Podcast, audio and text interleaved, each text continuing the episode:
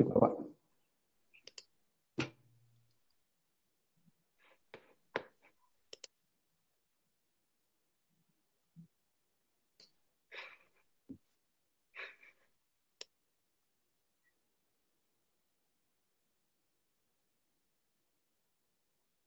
Dimulai?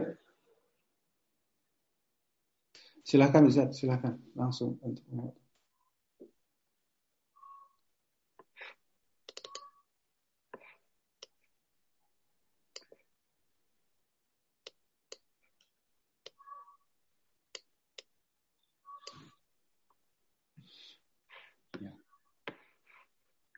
Assalamualaikum warahmatullahi wabarakatuh.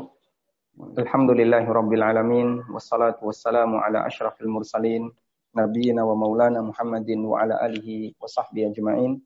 Wa ashhadu an la ilaha illallah wahdahu la syarikalah wa ashhadu anna Muhammadan abduhu wa rasuluh sallallahu alaihi wa ala alihi wa sahbihi wa sallama tasliman katsira.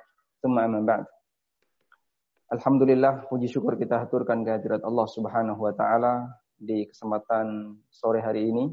Waktu Indonesia bagian barat kita bisa melanjutkan kajian rutin untuk beberapa pekan sebelumnya diselenggarakan oleh uh, komunitas kajian yang bernama Paduka London. Beranggotakan beberapa kawan yang saat ini berada di Eropa di London maupun yang ada di Belanda atau di Jerman dan beberapa daerah yang lainnya termasuk kaum muslimin yang ada di Indonesia di Jakarta dan kota-kota yang lainnya dan untuk memperluas uh, manfaat bagi masyarakat, maka kajian kita share melalui fanpage Aminur Bais dan juga melalui channel YouTube Aminur Bais. Baik, tema kajian kita di kesempatan kali ini adalah mengupas tentang mata uang online, mata uang digital, baik yang sifatnya eh, berlaku umum atau yang sifatnya disediakan oleh provider tertentu untuk layanan di bidang tertentu seperti GoPay yang hanya berlaku di Gojek atau OVO yang hanya berlaku di OVO yang hanya berlaku di Grab. Baik. Pembahasan ini mengacu pada buku saya yang berjudul Halal Haram Bisnis Online dan di bagian uh, agak akhir bagian buku saya mengutip tentang mata uang online. Kita akan buka mata uang online-nya ya. Di halaman 179. Baik. Saya punya skema seperti ini tentang mata uang online. Anda yang ikut di Zoom mungkin bisa memperhatikan kesimpulan tentang uang digital. Sebelumnya kita akan bahas terlebih dahulu beberapa akad yang perlu kita pahami untuk bisa mengetahui seperti apakah status mata uang online. Ada beberapa akad yang terkait dengan masalah ini ya, karena nanti muncul khilaf di antara para ulama. Yang pertama adalah akad utang. Yang kedua akad wadiah. Yang ketiga akad sorf. Yang ketiga akad sorf. Utang atau dalam bahasa Arab disebut dengan akad kord. Kemudian wadiah ini barang titipan, kemudian sorof, atau dalam bahasa kita disebut dengan tukar menukar uang. Baik. Tiga akad ini termasuk akad yang berlaku dalam e, mata uang dan mereka memiliki perbedaan yang cukup mendasar sehingga nanti berkonsekuensi kepada masalah keberadaan diskon, kemudian beberapa layanan yang disediakan oleh pihak provider kepada para pengguna. Terlebih dahulu kita akan lihat akad kord atau akad utang piutang. Seperti apakah akad utang piutang? Akad utang piutang termasuk di antara bentuk akad eh, termasuk di antara bentuk akad eh, apa ini? Tabarruat. Dan sebagian ulama memasukkannya sebagai akad irfak. Tabaruat itu artinya akad sosial. Akdul irfak artinya akad yang tujuannya untuk membantu yang sementara. Bedanya apa antara akad tabaruat dengan akad irfak? Kalau akad tabaruat itu pindah uh, hak milik 100%. Sedangkan akad irfak ini sifatnya adalah hak guna. Seperti contoh ukudul irfak misalnya uh, pinjam meminjam. Pinjam meminjam, Anda memiliki barang, kemudian Anda pinjamkan ke orang lain, dia sifatnya membantu tapi sementara. Sehingga dia masuk ukudul irfak bukan masuk akad tabarruat. Sementara untuk contoh akad tabaruat yang sifatnya pindah hak milik 100%, misalnya hibah, kemudian sedekah, wakaf, dan seterusnya. Begitu dia sudah diserahkan, maka tidak bisa ditarik lagi, karena sudah pindah kepemilikan 100%. Akad utang itu masuk yang mana? Masuk ukut tabaruat, ataukah masuk akad irfak? Yang lebih tepat, wallahu ta'ala alam, akad utang itu masuk akad irfak. Masuk akad irfak. Dalilnya bahwasanya dia masuk akad irfak adalah karena utang itu akan dikembalikan pada jangka waktu tertentu yang menjadi jatuh temponya. Baik. Dan baik akad irfak maupun akad tabarruk sebenarnya sama-sama sifatnya akad sosial. Dia membantu orang lain ada yang sifatnya abadi, dalam arti tidak bisa ditarik lagi.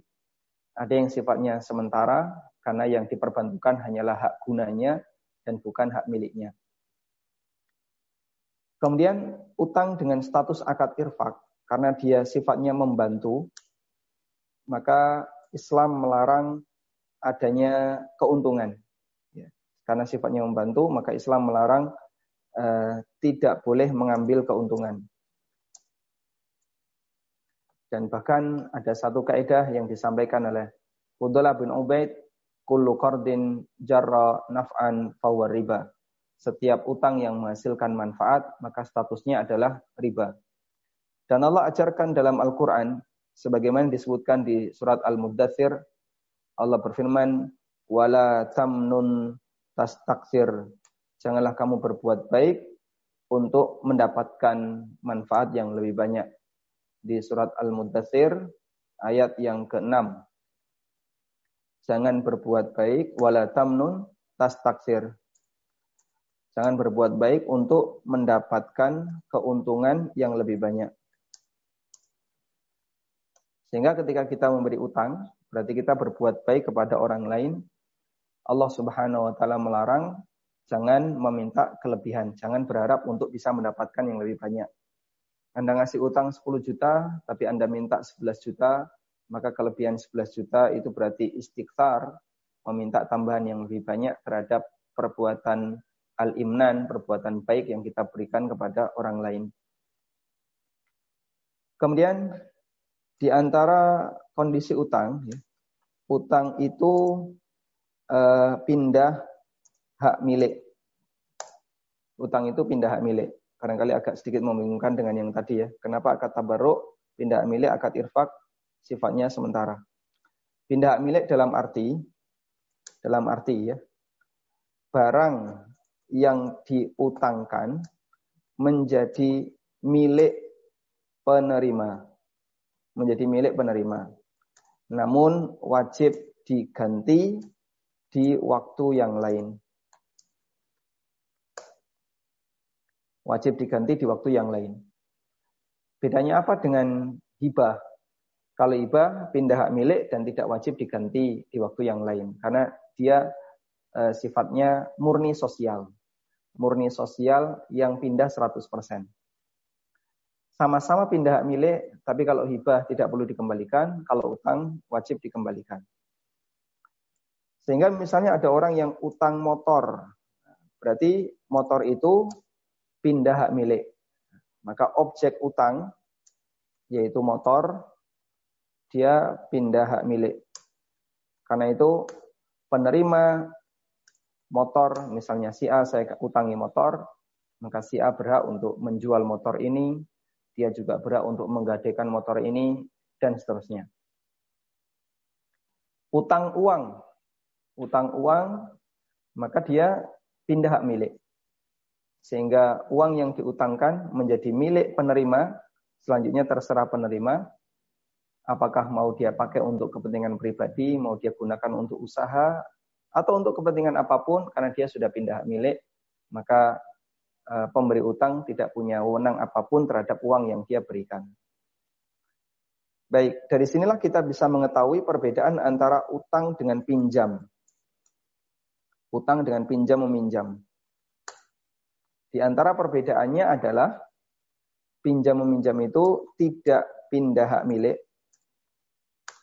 Sama-sama nanti akan dikembalikan ya. Tapi pinjam meminjam sama sekali tidak pindah hak milik. Kalau utang pindah hak milik. Utang pindah hak milik.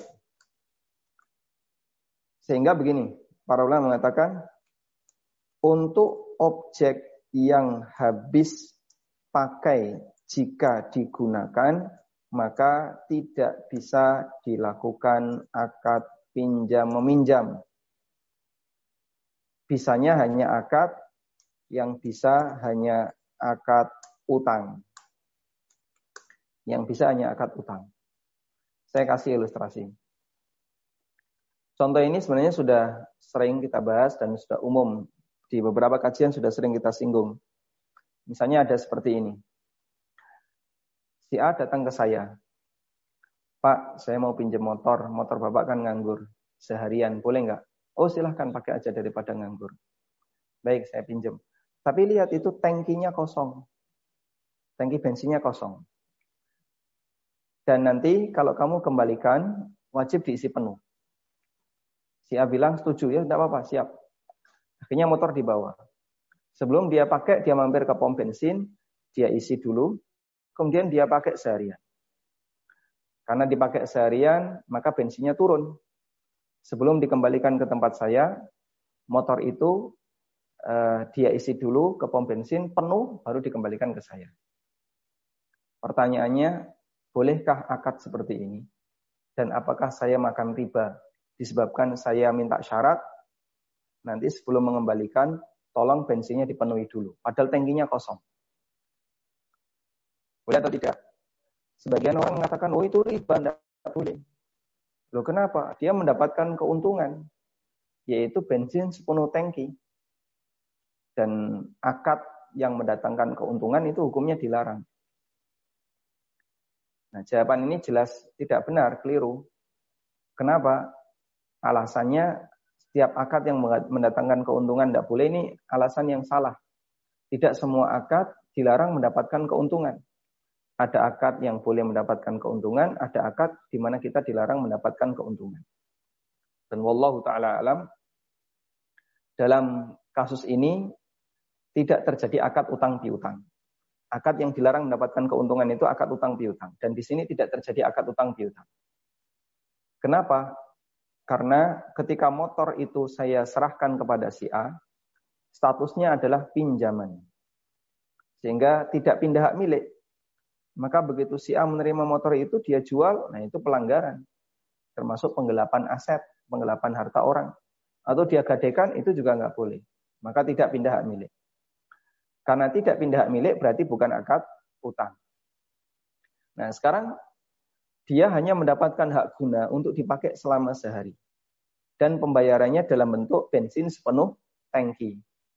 Dipakai sehari, bayar bensin sepenuh tangki. Karena di situ diwajibkan untuk menyerahkan motor dalam kondisi bensinnya penuh.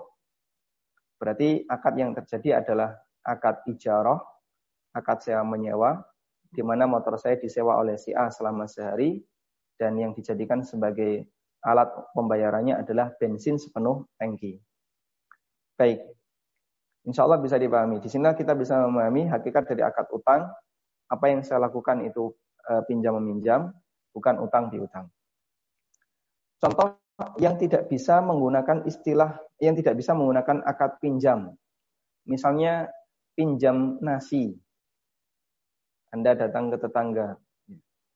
Pak, saya pinjam nasi, besok kalau sudah ada uang saya ganti.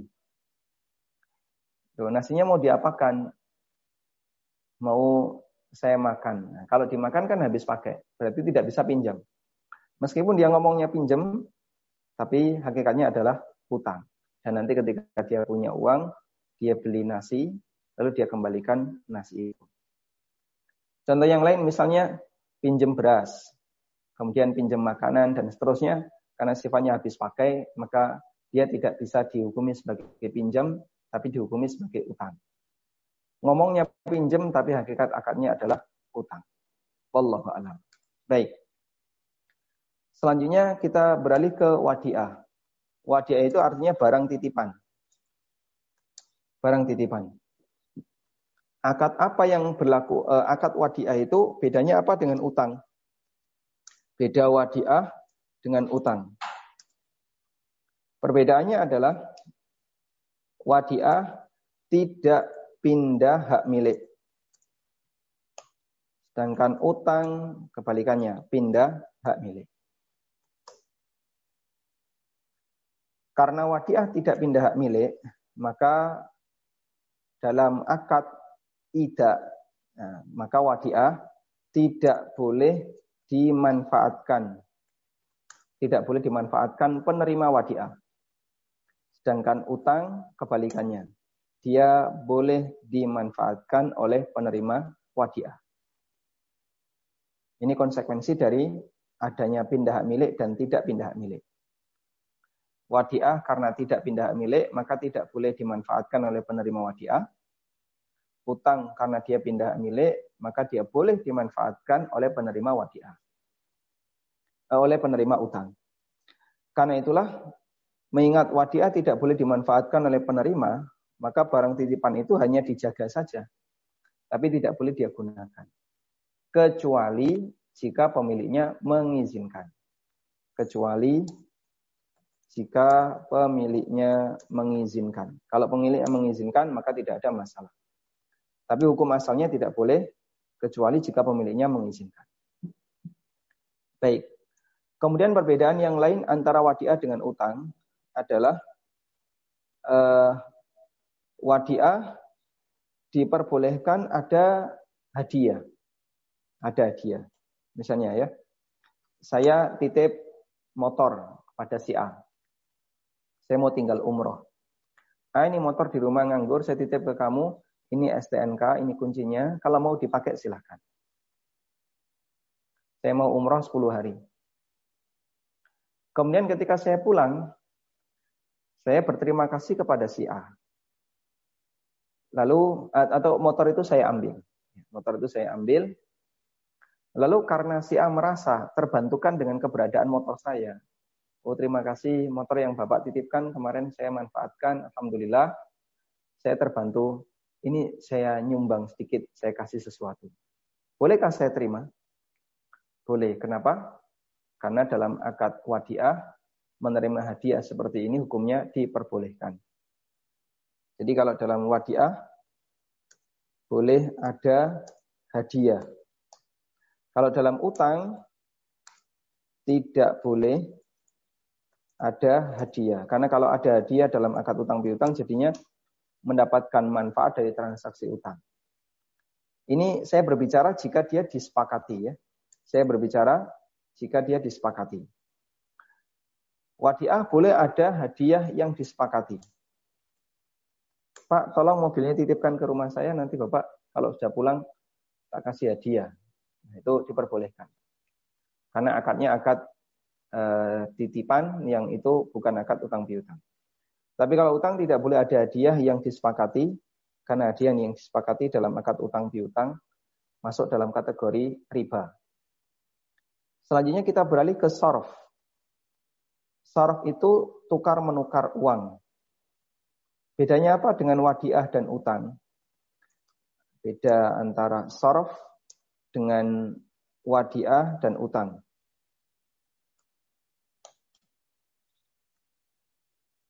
Baik, bedanya adalah uh, kalau sorof itu dua arah. Dua arah dalam arti ada yang diserahkan dan ada yang diterima.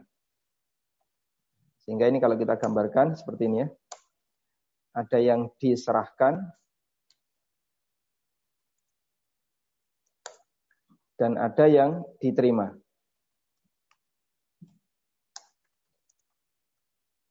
Ini saraf. Sementara utang dan wadiah, utang dan wadiah itu searah. Ini akad searah. Kalau wadiah akad dua arah, kalau utang dan wadiah akad searah. Sehingga yang ada hanya menyerahkan saja. Tidak ada menerima sesuatu. Kita ulang ya.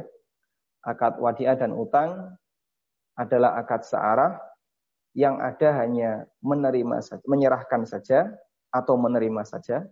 Jika Anda di posisi sebagai pemberi utang atau menyerahkan wadiah, berarti menyerahkan saja. Jika Anda di posisi sebagai penerima, berarti menerima saja, baik utang maupun wadiah. Baik. Saya tulis hanya menerima saja atau menyerahkan saja. Salah satu di antara ini. Beda dengan sorof. Kalau sorof, dia menerima dan sekaligus menyerahkan. Baik di pihak A maupun di pihak B. Karena itu jika terjadi seperti ini. Ada orang menukar USD 100, 100 dolar. Ditukar dengan rupiah. Senilai 14 juta. Maka ketika dia menyerahkan 100 USD, dia juga mendapatkan IDR senilai 14 juta. Berarti di situ ada serah terima. Baik. Karena itu sorof hanya terjadi sorof hanya terjadi jika kedua belah pihak kedua belah pihak memberikan saling memberikan saling memberikan propertinya. Sehingga saya menyerahkan properti saya, pihak yang kedua juga menyerahkan propertinya. Dan properti itu dalam bentuk e, mata uang atau emas atau perak atau sejenisnya. Baik. Yang jadi pertanyaan, mungkinkah saraf terjadi pada properti digital. Pada properti digital. Jawabannya sangat mungkin. Ketika properti digital itu berstatus sebagai mata uang. Maka di sini sangat mungkin ketika properti digital berstatus sebagai mata uang. Sehingga kalau dia mata uang, mungkin untuk dilakukan pertukaran.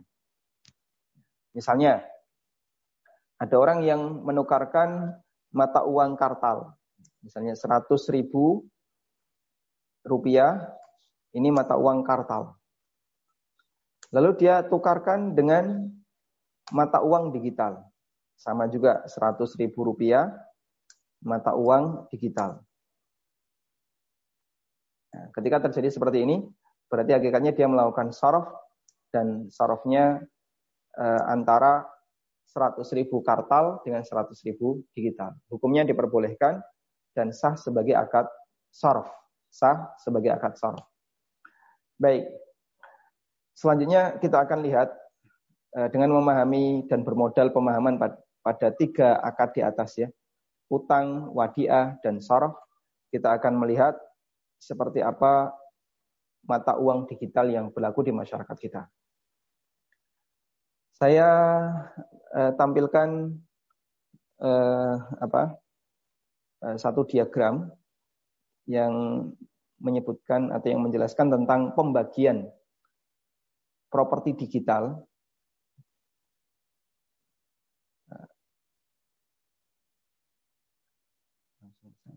ini ya. Pembagian properti digital Cukup kelihatan Pak Rashid? Jelas ya? Iya, jelas, jelas Ustaz. Kelihatan. Alhamdulillah, baik. Mata uang digital atau properti digital. Sebenarnya ini lebih tepat disebut properti digital karena ada yang bukan uang ya. Saya bagi menjadi tiga. Yang pertama adalah properti digital dalam bentuk pulsa atau properti yang dia punya manfaat secara langsung. Begitu dia digunakan, maka bisa langsung dimanfaatkan. Seperti pulsa telepon, pulsa listrik, atau beberapa properti digital yang bisa langsung dimanfaatkan. Dan properti digital seperti ini kadang dijadikan sebagai alat tukar. Namun status hukumnya dia bukan uang. Kenapa bukan uang? Hakikatnya dia adalah jasa. Tapi bersatuan uang. Contohnya pulsa ya. Pulsa 100 ribu. Pulsa 200 ribu. Pulsa sekian ratus ribu. Dan dia bisa dipertukarkan secara online. Saya beli pulsa 100 ribu, saya beli dari Jogja, pemilik pulsa dari Jakarta, mungkin dilakukan secara online dalam waktu yang sangat cepat. Dan kadang ini juga saya gunakan untuk uh, alat tukar. Dulu ketika Ufit pertama kali menerbitkan aplikasi di iTunes iTunes Store, kemudian juga di mana? Di Android, di Play Store, kita sempat menawarkan ke uh, pihak Telkomsel atau provider yang lainnya karena harga aplikasi itu waktu awal-awal dulu masih kita jual ya. Harganya mungkin cuma 10 ribu, 20 ribu. Orang transfer 20 ribu, 10 ribu itu malas. Sehingga kita tawarkan, boleh nggak kita jadikan seperti ini? Jadi bayarnya silakan pakai pulsa. Nanti pulsa dikirim ke, ke nomor A, kita tetapkan nomornya. Nah, otomatis nanti nomor ini akan menampung banyak pulsa. Ya. Misalnya ada 100 pembeli. Lalu dia kirim 10 ribu, 10 ribu. Berarti kali 100, 1 juta. Nah, setelah jadi pulsa 1 juta, bisakah kita uangkan? Bisakah kita uangkan? Jika kita datang ke Telkom, saya pihak Telkomsel atau pihak XL atau yang lainnya, ke provider, ini boleh nggak saya uangkan? Di sini saya punya 1 juta pulsa, saya mau ganti uang, anggaplah saya jual balik ini buyback jadi misalnya 900 ribu. Ternyata eh, mereka belum siap untuk itu karena memang yang namanya pulsa itu bukan bukan alat tukar yang berlaku resmi di negara. Sehingga orang yang punya pulsa yang banyak dia eh, tidak tidak terkena apa misalnya regulasi OJK atau apa karena itu sifatnya hanyalah jasa. Sehingga kaitannya dengan ini, jika saya membeli pulsa, harga pulsa 100 atau eh, 10 ribu plus 1000, berarti 11 ribu ya. Dari pulsa yang saya dapatkan 10 ribu. Itu termasuk riba fadl atau bukan? Padahal menukarkan 10 ribu dengan 11 ribu itu riba fadl. Tapi di sini penjual pulsa mintanya 11 ribu. Saya beli pulsa 10 ribu, bayarnya 11 ribu. Jawabannya bukan riba. Kenapa? Karena pulsa di sini adalah jasa dan bukan mata uang. Adanya kelebihan tidak jadi masalah. Tapi itu kan sama-sama satuannya sama. 10 ribu, 10 ribu. Satuan sama, itu sifatnya hanya memudahkan saja. Karena pulsa tidak punya satuan. Kita tidak menjumpai misalnya pulsa seliter, atau pulsa satu kilo, atau pulsa satu mut, satu sok itu tidak ada. Maka untuk memudahkan cara transaksi pulsa menggunakan satuan mata uang. Bahkan di zaman sekarang terjadi pergeseran satuan. Yang biasanya kilo atau yang biasanya liter, satuannya diubah jadi uh, uang. Kita bisa lihat ya, orang yang beli bensin di pom, itu satuannya sudah bukan lagi pakai liter. Tidak kita jumpai ada orang misalnya, saya beli bensin 2 liter. Saya beli bensin 3 liter. Tidak. Dia cuma nyetorkan berapa Pak? 20 ribu. Berapa Pak? 30 ribu. Yang mobil berapa Pak? 500 ribu, 200 ribu. Jadi dia serahkan dalam bentuk uang. Atau transaksinya satuannya uang. Bensin 200 ribu. Kemudian dikonversi ke harga per liternya. Sehingga nanti ketemu berapa yang harus diserahkan kepada orang ini. Dan itu menunjukkan bahwasanya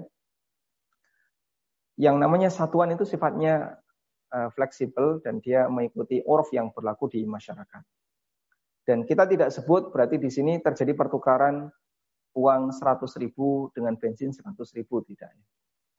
Eh, yang saya maksud adalah tidak terjadi pertukaran uang, tapi di situ terjadi pertukaran antara uang dengan bensin. Meskipun satuan bensin berubah jadi uh, satuan uang, termasuk juga pulsa. Baik, ini yang jenis pertama, dan ini tidak bisa kita sebut sebagai uang, tapi kita bisa gunakan sebagai alat tukar, meskipun dia bukan uang. Berikutnya, properti digital yang dia bisa menjadi alat tukar dan oleh masyarakat disebut sebagai uang menurut komunitasnya. Di sini saya bagi menjadi dua. Ada yang mugotoh dan ada yang gair mugotoh. Ada yang mugotoh, ada yang gair mugotoh. Mugotoh artinya memiliki backup fiat money Ghairu mughatta artinya tidak memiliki backup fiat money. Pembahasan ini dikupas oleh para ulama ketika membahas aurat nakdiyah atau e, mata uang kartal yang bentuknya kertas. Yang dia nilai intrinsiknya sangat jauh di bawah nilai nominalnya. Nominalnya 100 ribu. Nilai intrinsiknya kan sama seperti yang nominalnya seribu rupiah. Atau yang nominalnya dua ribu rupiah. Sama. Karena nominalnya sama, eh, nilai intrinsiknya sama, tapi nominalnya berbeda, sehingga hampir seratus ribu itu nilai intrinsiknya hampir tidak ada. Sehingga dari nilai seratus ribu itu, dia mungkin cuma butuh biaya berapa? Ya, 100 rupiah atau 200 rupiah. Nah, mata uang 100 ribu yang berupa lembaran kertas ini, dia mugotoh. Mugotoh dengan apa? Idealnya adalah ada emas atau perak yang menjadi backupnya. Contoh yang lain misalnya 100 dolar. 100 dolar berarti 1.400 diwakili oleh selembar. Selembar ini dengan nilai nominalnya nggak nggak pas, terlalu jauh selisihnya. Tapi dia bernilai satu juta empat ratus. Bisa Anda gunakan untuk beli sebuah HP. Atau dua lembar bisa Anda gunakan untuk membeli sebuah HP Android. 200 dolar. Sehingga kalau kita lihat antara nilai intrinsik dengan nilai nominalnya terlalu jauh. Tapi karena dia mugoto, yaitu ada underlying berupa emas atau perak yang senilai, maka masyarakat mau menerimanya. Masyarakat mau menerima. Lo kok bisa? Itulah uh, posisi mugoto. Orang percaya selembar dolar ini, 100 dolar ini, saya mau terima dan Anda saya kasih sebuah HP yang harganya 1.400. Saya mau terima ini. Padahal kalau orang berpikir antara HP dengan selembar 100 dolar tadi, ini nilainya nggak cocok ya, nilainya terlalu jauh selisihnya. Tapi orang mau kenapa? Karena di 100 dolar ini ada emas sebagai underlyingnya. Nah, itulah awalnya uang dicetak. Dalam perkembangannya, kondisi ini sudah tidak lagi dipertahankan. Sehingga tidak ada istilah bahasanya setiap uang yang terbit itu eh, ada emas yang menjadi underlyingnya. Terbukti ketika uang itu diterbitkan dan kita datang ke bank sentral, misalnya Bank Indonesia, Pak saya mau tukarkan uh, uang saya 100 ribu ini, mana emasnya 0 sekian gram. Mereka tidak bisa menyerahkan. Dan itu tidak mungkin terjadi. Namun, mugotohnya digantikan oleh jaminan negara. Mugotohnya digantikan oleh jaminan negara. Negara menjamin uang yang diedarkan ini berlaku sah di masyarakat, bisa dimanfaatkan dan ketika dipertukarkan bisa bernilai seperti nominal yang tertera.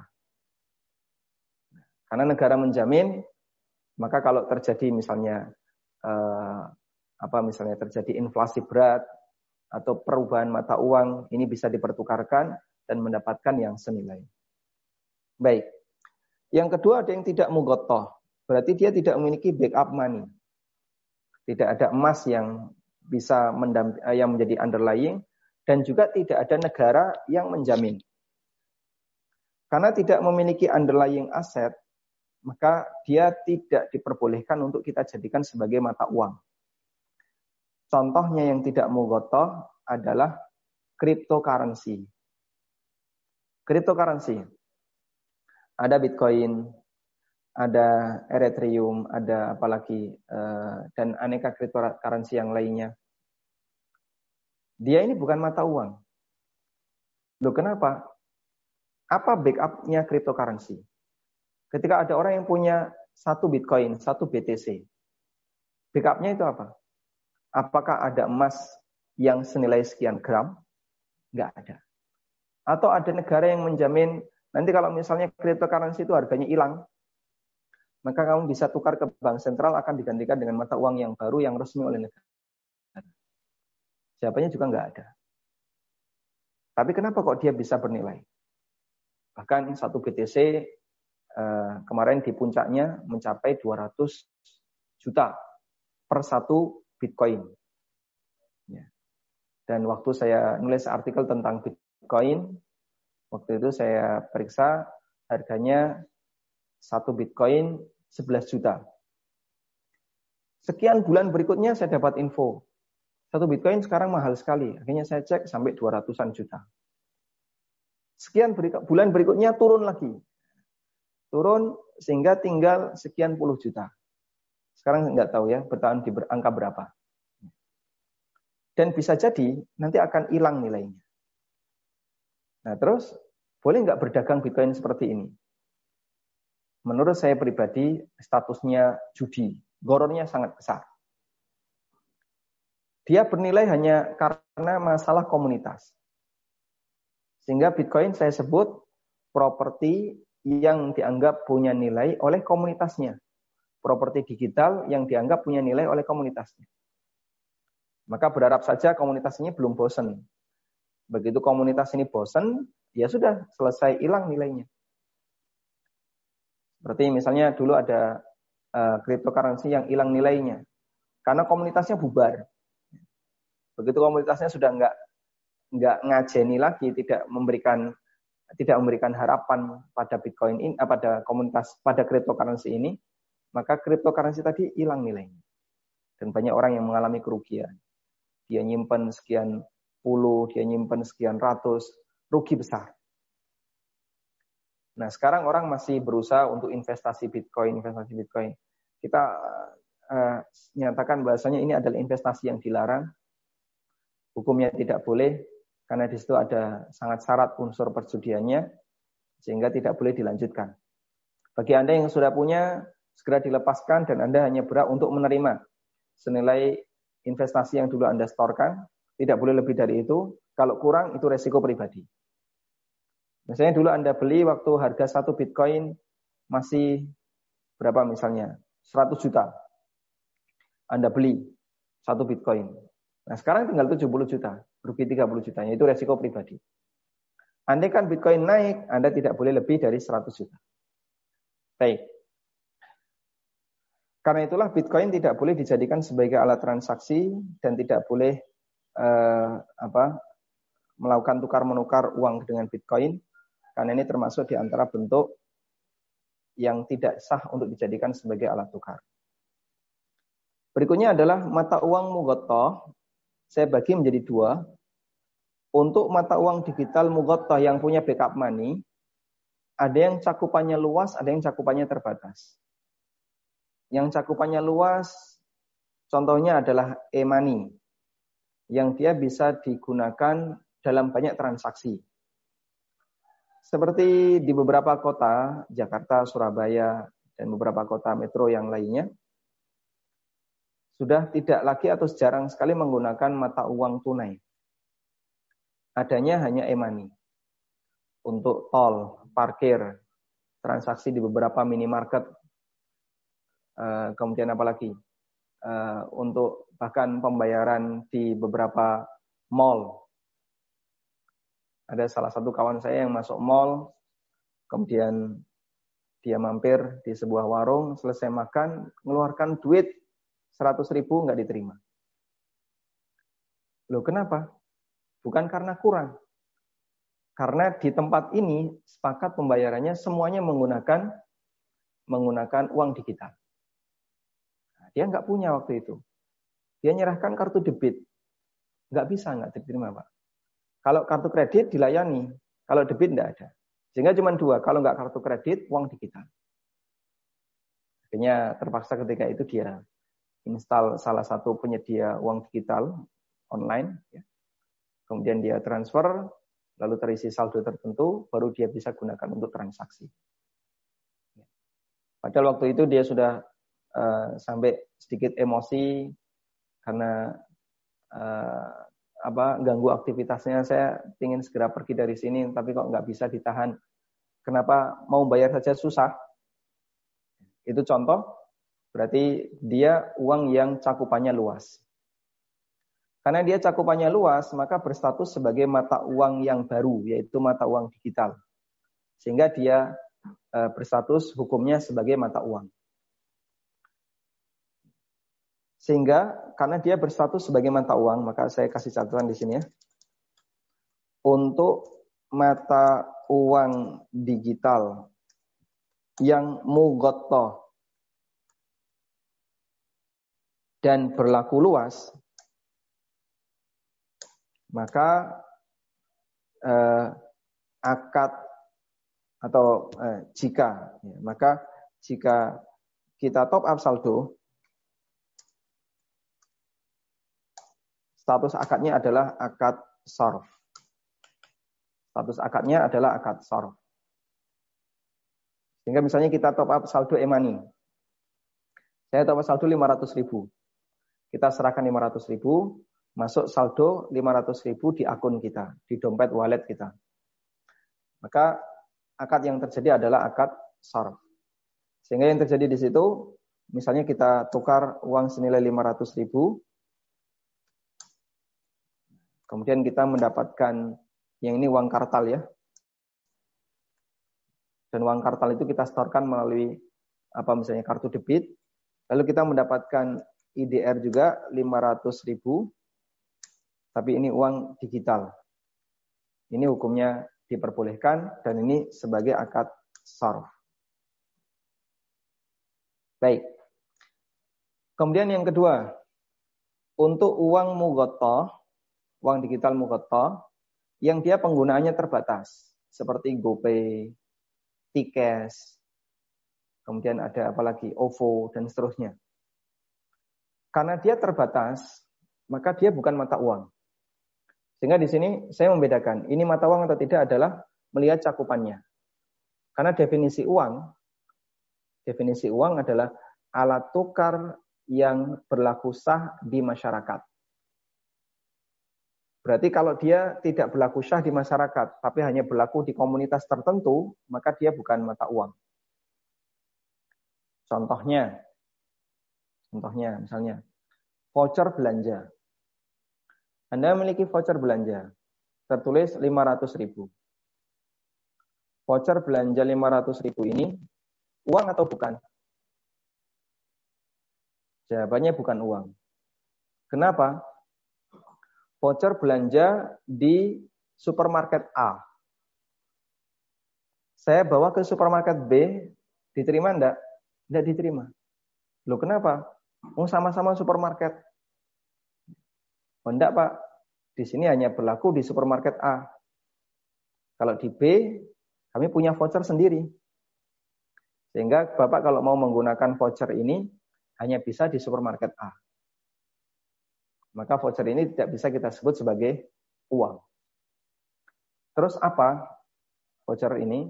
Status voucher ini adalah hak untuk mendapatkan barang senilai yang tertera di voucher itu atas jaminan yang diberikan oleh supermarket A. Sehingga misalnya voucher 500 ribu itu dibeli dengan harga 400 ribu. Riba atau bukan? Yang dohir, wallahu alam, bukan riba. Kenapa kok bukan riba? Karena voucher ini bukan uang. Sehingga Anda bawa voucher 500 ribu, datang ke supermarket A. Saya mau uangkan. Supermarket nggak terima. Nggak bisa Pak, ini hanya bisa dipakai belanja. Nilai 500 ribu. Baik, akhirnya bisanya hanya dia pakai untuk beli ya apa pun belanja yang ada di situ. Ya. Untuk bisa memanfaatkan voucher ini. Berarti kalau voucher 500 ribu itu saya jual ke orang lain.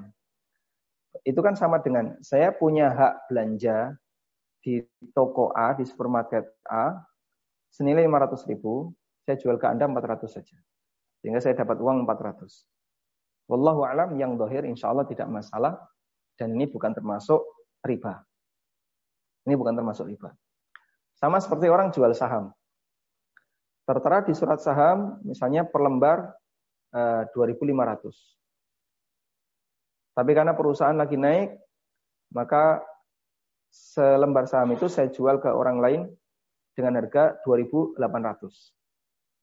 Hukumnya diperbolehkan karena bukan lagi tukar menukar uang dengan uang, tapi tukar menukar aset yang menjadi hak saya diwakili oleh saham ini dan saya boleh menaikkan harga.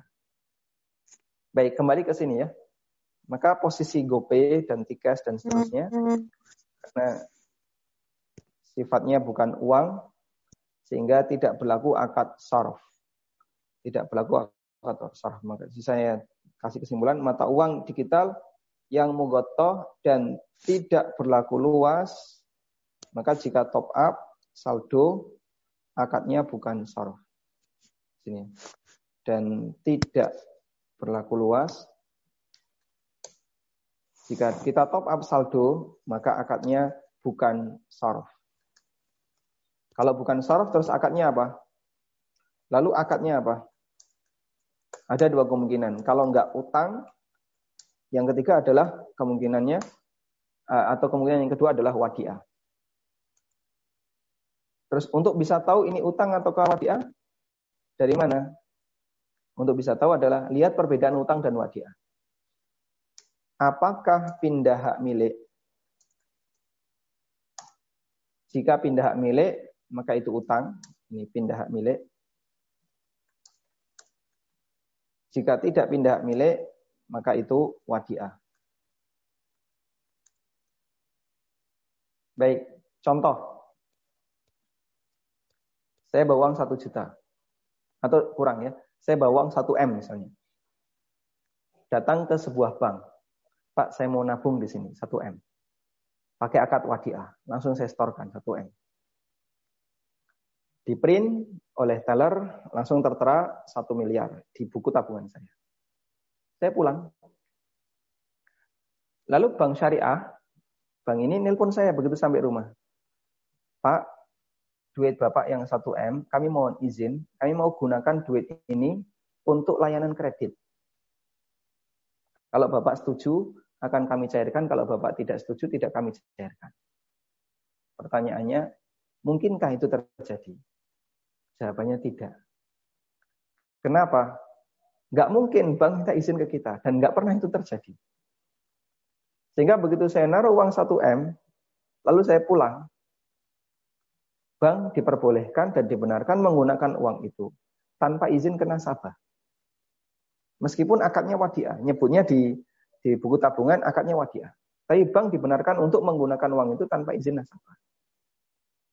Lo katanya wadiah, wadiah kan tidak boleh dipakai. Karena hakikatnya adalah utang. Sehingga dalam regulasi negara kita, uang yang ditabung oleh nasabah menjadi propertinya bank. Sehingga bank dibenarkan untuk menggunakan uang itu tanpa harus izin dan pamit ke nasabah. Nah, itu contoh akad utang dalam transaksi menabung. Baik. Karena itu yang menjadi pertanyaan adalah pada waktu kita top up di GoPay atau di OVO, yang jadi pertanyaan itu pindah hak milik atau tidak? Kalau tidak pindah hak milik, maka berarti statusnya wadiah. Tapi kalau pindah hak milik, statusnya hutang.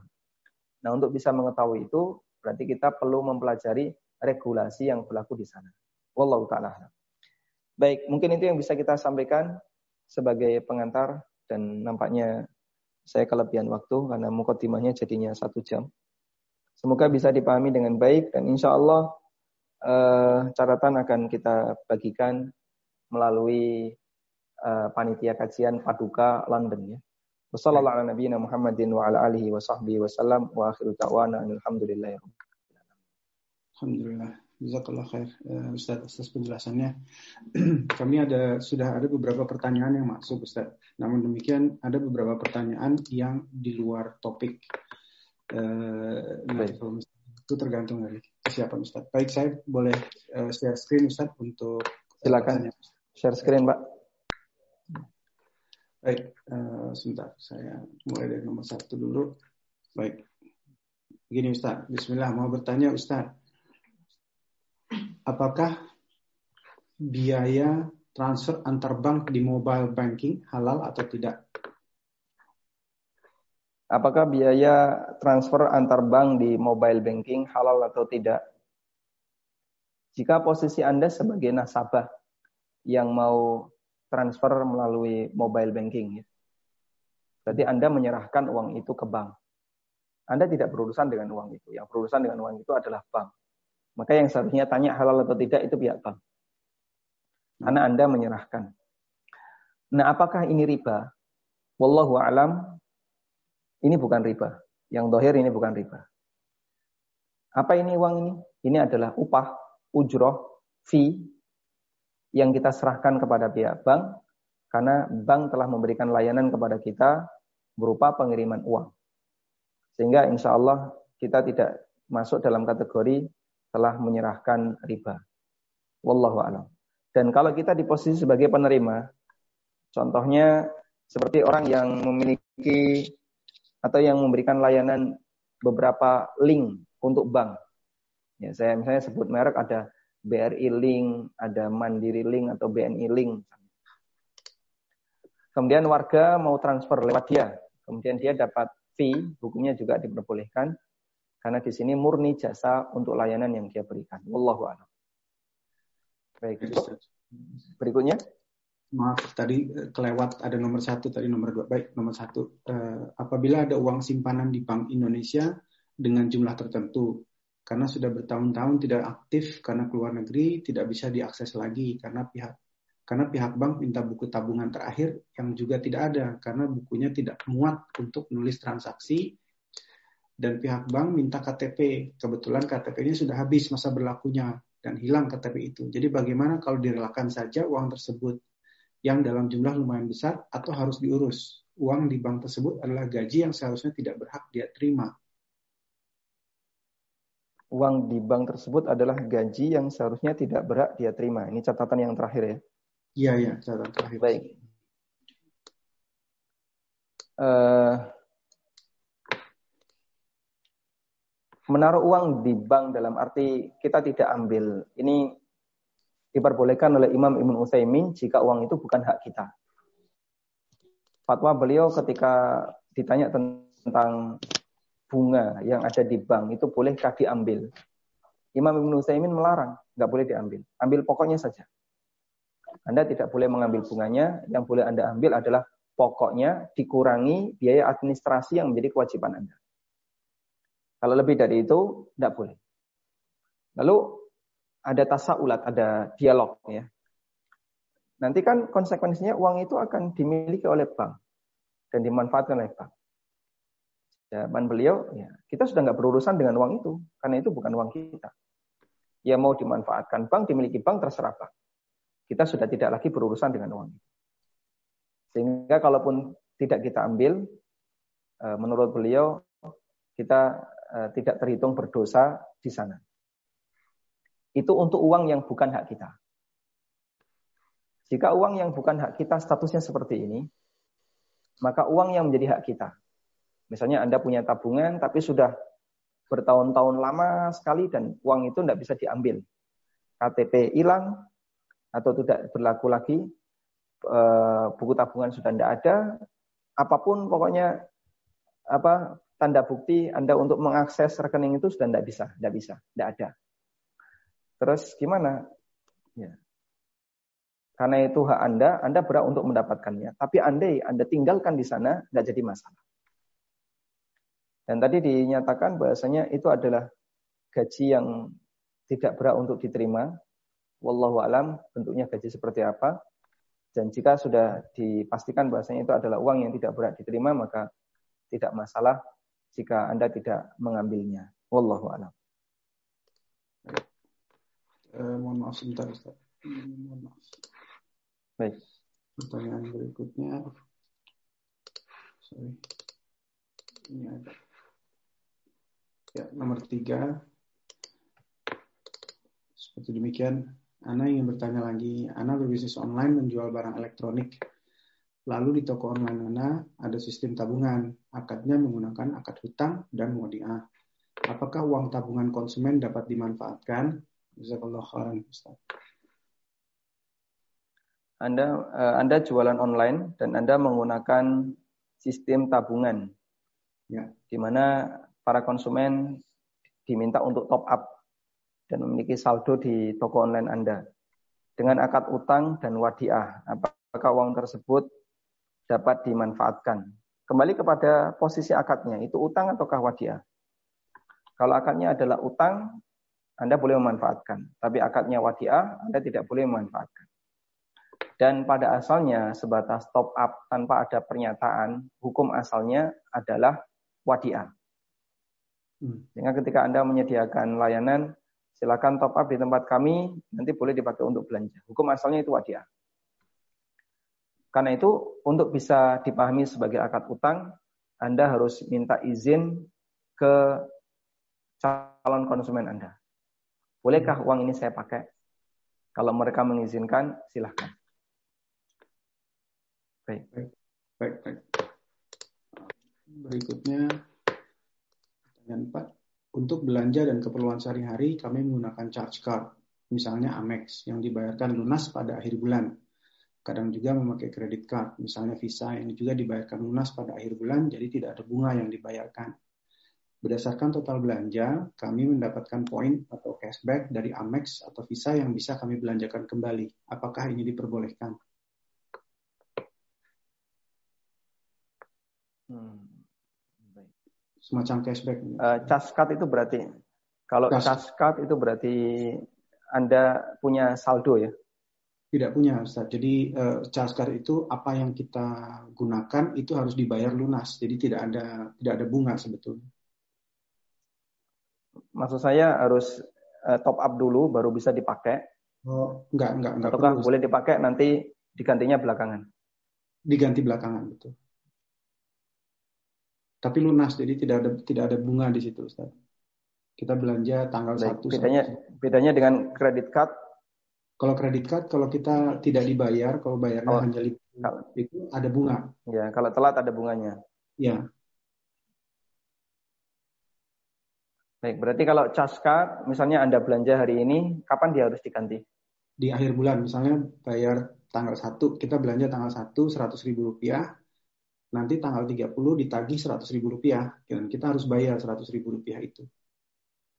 Jadi jadi tidak ada sebetulnya tidak ada tidak ada bunga di antara itu. Ustaz. Baik. Wallahu alam yang saya pahami ya. Kita fokus untuk cash card. Kalau kredit card kan di sana ada bunga jika Anda telat dan itu kesepakatan ribawi. Maka sebaiknya Anda tutup dan bisa gantikan dengan cash card yang tidak ada bunganya. Uh, untuk card, jika Anda atau jika di posisi Anda menggunakannya lalu Anda dikasih cashback atau diskon yang itu nanti bisa dipakai lagi. Wallahu alam, insya Allah boleh dimanfaatkan. Yang saya pahami boleh dimanfaatkan. Kenapa? Anda di posisi penerima utang, bukan di posisi pemberi utang. Misalnya saya ngasih utang kepada si A. Lalu si A bayar tepat waktu utang itu. Akhirnya sebagai reward, saya kasih dia 100 ribu. Insya Allah tidak masalah dalam hal ini. Wallahu a'lam. Saya ke nomor lima sekarang pertanyaan. Bagaimana penerapan akad kod untuk gade emas dengan penambahan biaya sewa, ujrah atau izarah ketika penebusan atau perpanjangan? Apakah dibolehkan? Apakah ada ribanya dengan mekanisme seperti itu? Mengenai akad gadai, akad gadai itu kan basicnya utang. Utang bergadai. Sehingga gadai itu ada sebagai turunan dari akad kord. Gadai itu ada sebagai turunan dari akad kord. Karena dia sifatnya untuk menjamin kepercayaan. Karena itulah pihak penerima gadai, yaitu yang menyerahkan utang lalu dia menerima gadai, dia tidak boleh mendapatkan keuntungan sebesar pun. Baik keuntungan eh, yang disepakati maupun keuntungan dalam bentuk ujroh. Kalau keuntungan dalam bentuk ujroh bagaimana? Jika itu dijadikan sebagai syarat. Kamu saya utangi 100 juta dan silakan gadekan emasmu misalnya eh, berapa 500 gram setengah kilo ya 500 gram nanti saya terima tapi syaratnya kamu harus bayar biaya nginep emas ini, biaya administrasi penyimpanan emas ini per bulan 200 ribu. Nah, tinggal nanti kalikan saja selama sekian bulan uh, kamu belum melunasi dan emasmu belum saya serahkan, itulah biaya yang harus kamu keluarkan. Berarti di situ menggabungkan antara utang dengan jual beli jasa. Dan Nabi Shallallahu Alaihi Wasallam melarang menggabungkan antara utang dengan jual beli, sebagaimana dalam hadis riwayat Ahmad, Abu Dawud dan yang lainnya Nabi Shallallahu Alaihi Wasallam bersabda, la yahillu salafun wa bai. Tidak halal utang digabung dengan jual beli. Akad utang plus jual beli jasa penyimpanan emas. Nah itu tidak boleh. Karena itulah mewajibkan hal ini termasuk di antara eh, celah terjadinya riba. Namun yang boleh dalam akad gadai adalah boleh meminta ganti rugi atas uh, biaya yang dikeluarkan dalam merawat barang gadai. Nah itu berbeda-beda antara satu barang gadai dengan barang gadai yang lain. Di zaman Nabi Shallallahu Alaihi Wasallam ada orang yang utang tapi barang gadainya onta atau kambing dan boleh izinkan. Onta boleh ditunggangi, kambing boleh diperah susunya. Sebagai ganti, karena dua hewan ini harus dikasih makan dirawat. Sehingga tenaga perawatan boleh diambilkan dari apa manfaat pada hewan tersebut. Kalau emas kan tidak perlu dimandikan, tidak perlu dikasih makan. Cukup ditaruh aman selesai. Karena itulah untuk posisi gade emas tadi, jika dia meminta biaya perawatan yang melebihi dari biaya real yang dibutuhkan, hukumnya dilarang. Wallahu a'lam. Ya. Ini tadi nomor 5, sekarang kita masuk ke nomor 6. Assalamualaikum Ustaz, mohon penjelasannya mengenai trading binomo. Waalaikumsalam warahmatullahi Saya nggak paham trading binomo. Kita mungkin bisa di skip dulu. Baik, skip dulu ya. Top up GoPay di Indomaret atau Alfa ada tambahan. Tapi top up OVO di driver Grab tanpa ada tambahan. Apakah top up GoPay termasuk riba? Top up GoPay atau termasuk e-money di beberapa minimarket di situ ada tambahan. Kadang tambahnya 1.500 atau 2.000. Ini riba atau bukan? yang dohir itu bukan riba, tapi itu fee yang kita berikan kepada pihak minimarket yang telah memberikan layanan. Sebagaimana kita beli pulsa 10.000 tapi harganya 11.000. Atau kita transfer uang lalu di situ ada biaya administrasi 6.500 karena dia antar bank. Atau pakai RTGS atau LLD yang di situ ada jangka waktu tertentu dan kita bayar biayanya. Hukumnya boleh. Ya, nomor Bismillah Anna Ahmad dari Makassar bagaimana hukum bekerja di perusahaan GoPay, OVO, dan semisalnya yang di mana job desk-nya menawarkan toko untuk menggunakan transaksi GoPay, OVO, atau yang semisalnya, Ustaz. Barakallah. Wafikum barakallah. Hukum bekerja di perusahaan GoPay, OVO, atau penyedia uang digital yang lainnya. Tugasnya adalah memasarkan, menawarkan kepada merchant untuk menggunakan mata uang itu. Wallahu ta'ala alam, selama merchant ketika menggunakan mata uang itu tidak ada uh, transaksi riba dengan mereka, insya Allah tidak masalah. Sehingga misalnya 10 ribu bayar pakai GoPay di barcode 10 ribu keluar 10 ribu. 20 ribu di barcode nanti masuk ke apa ke ID mereka ke akun mereka 20 ribu. Kalau anda yakin tidak ada transaksi riba di sana, insya Allah boleh. Wallahu a'lam. Pertanyaan berikutnya Ustaz. Uh, apakah menerima cashback saat top up GoPay di uh, OVO atau Imani dibolehkan?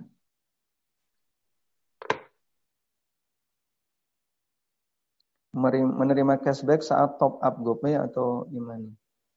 Mungkin ditambah. Untuk mungkin. Imani, ya. Untuk Imani insya Allah tidak masalah. Karena saya memahami posisi e-money di sini adalah sebagai mata uang digital sebenarnya. Tadi coba kita ulang screen share tadi, Pak. Oh, maaf. Ini. Baik, Ustaz. Pertanyaannya adalah ada cashback untuk top up GoPay, OVO dan seterusnya. Iya.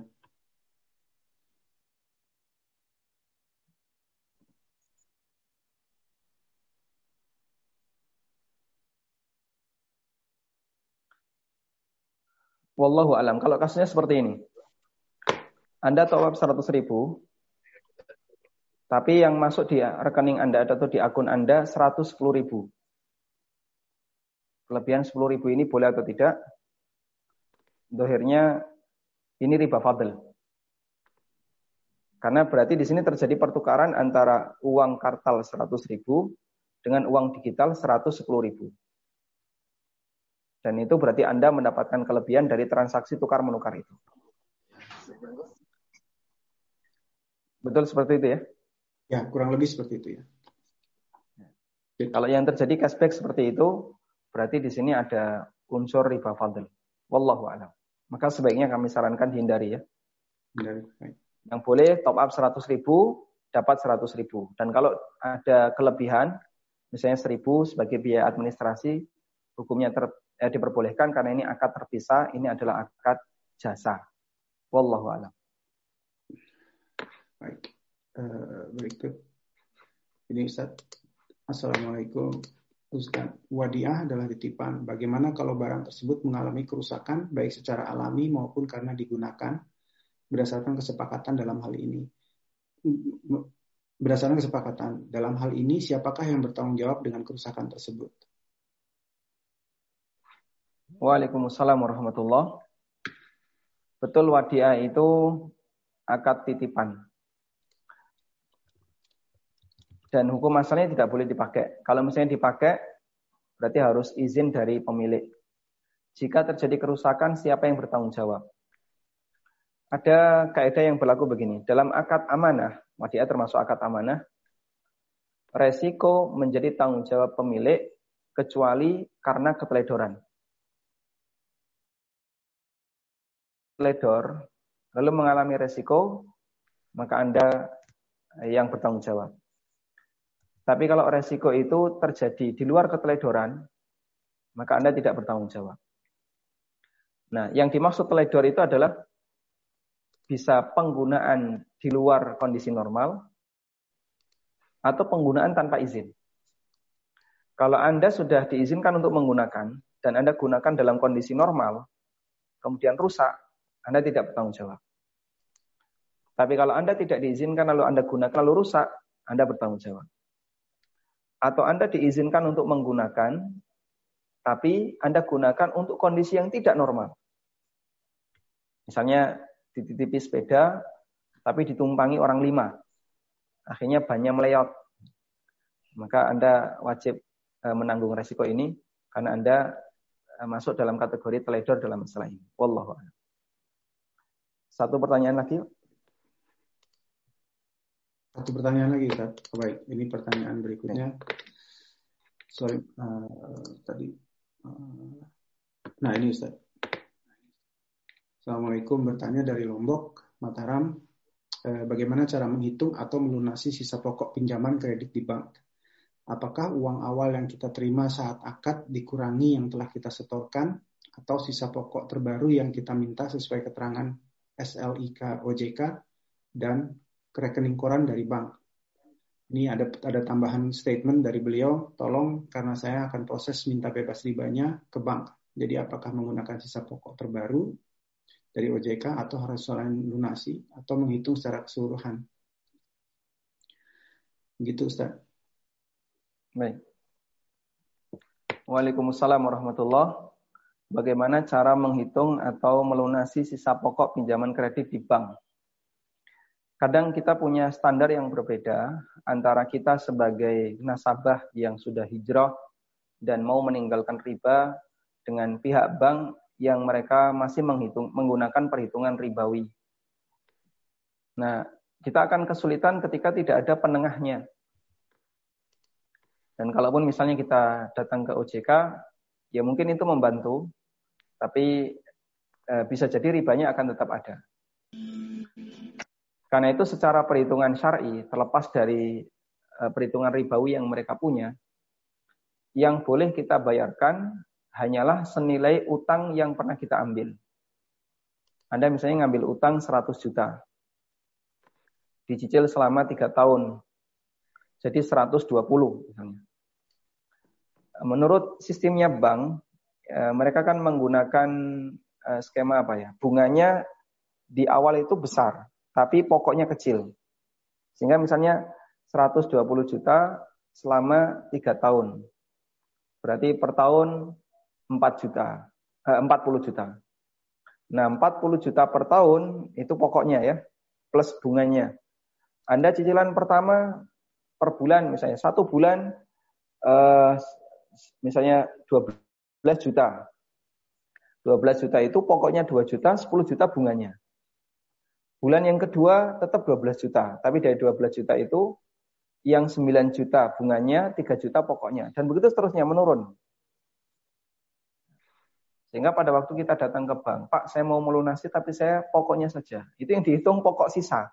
Pokok sisanya masih gede. Loh, kemarin saya sudah bayarkan sekian, kok kenapa masih besar? Kemarin yang bawa bayarkan besar itu bunganya. Bunganya besar, pokoknya kecil. Nanti kemudian yang ini membesar, yang ini mengecil, gantian. Itu perhitungan bank. Dan ini perhitungan ribawi yang hukumnya jelas terlarang. Terus yang benar gimana? Anda utang 100 juta, ya bayar 100 juta. Dan apa yang sudah Anda setorkan itu cicilan pokoknya, jangan bunganya. Anda tawar seperti itu, dan proses menawar seperti ini ya mungkin butuh waktu yang cukup dan butuh apa lobby-lobby yang kuat sampai akhirnya bank mengizinkan.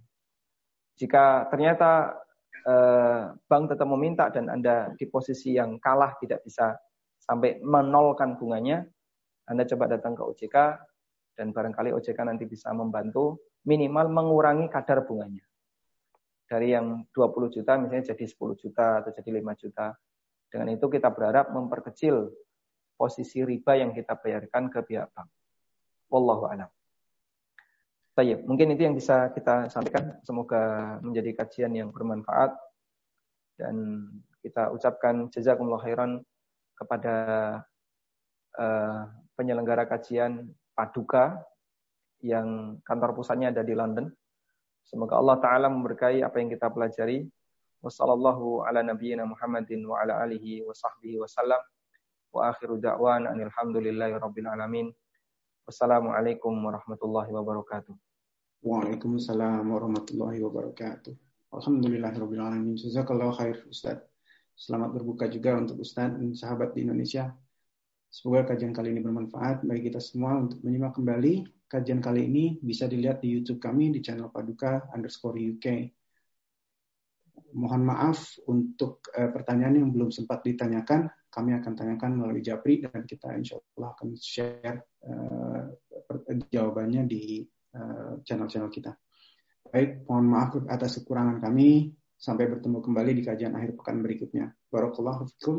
Wabillahi taufiq wal hidayah. Assalamualaikum warahmatullahi wabarakatuh.